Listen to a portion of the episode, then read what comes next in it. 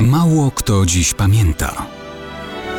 Datownik historyczny prezentuje Maciej Korkuć.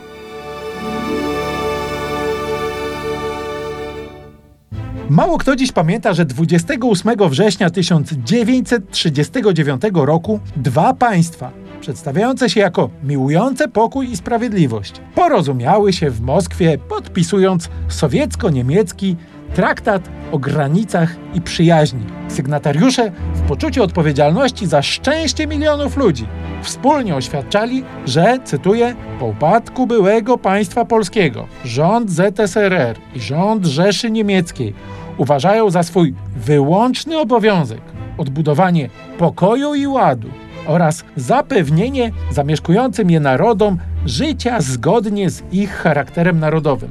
Gdyby w to wierzyć, miliony obywateli Rzeczypospolitej powinna ogarnąć prawdziwa euforia.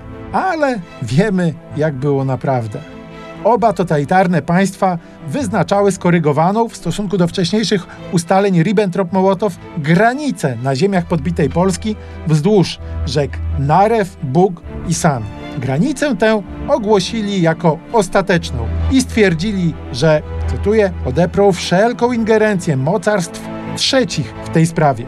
Zadeklarowano jednoznacznie: rząd ZSRR i rząd Rzeszy Niemieckiej uważają układ niniejszy za mocną podstawę postępowego, a jakże, rozwoju przyjaznych stosunków pomiędzy swymi narodami. W oddzielnym protokole Niemcy i Sowieci zapowiadali współpracę w zwalczaniu polskiego ruchu niepodległościowego i wzajemną wymianę pozyskanych informacji w tym zakresie. Oczywiście z góry zakładali, że obywatele Rzeczypospolitej nie dojrzeli do owego pokoju i ładu oraz szczęśliwego życia w zgodzie z charakterem narodowym w postępowym świecie komunizmu i narodowego socjalizmu. No fakt. Dzień wcześniej Polacy zaczęli budować państwo podziemne. Pokojowych wysiłków Hitlera i Stalina jakoś nie docenili.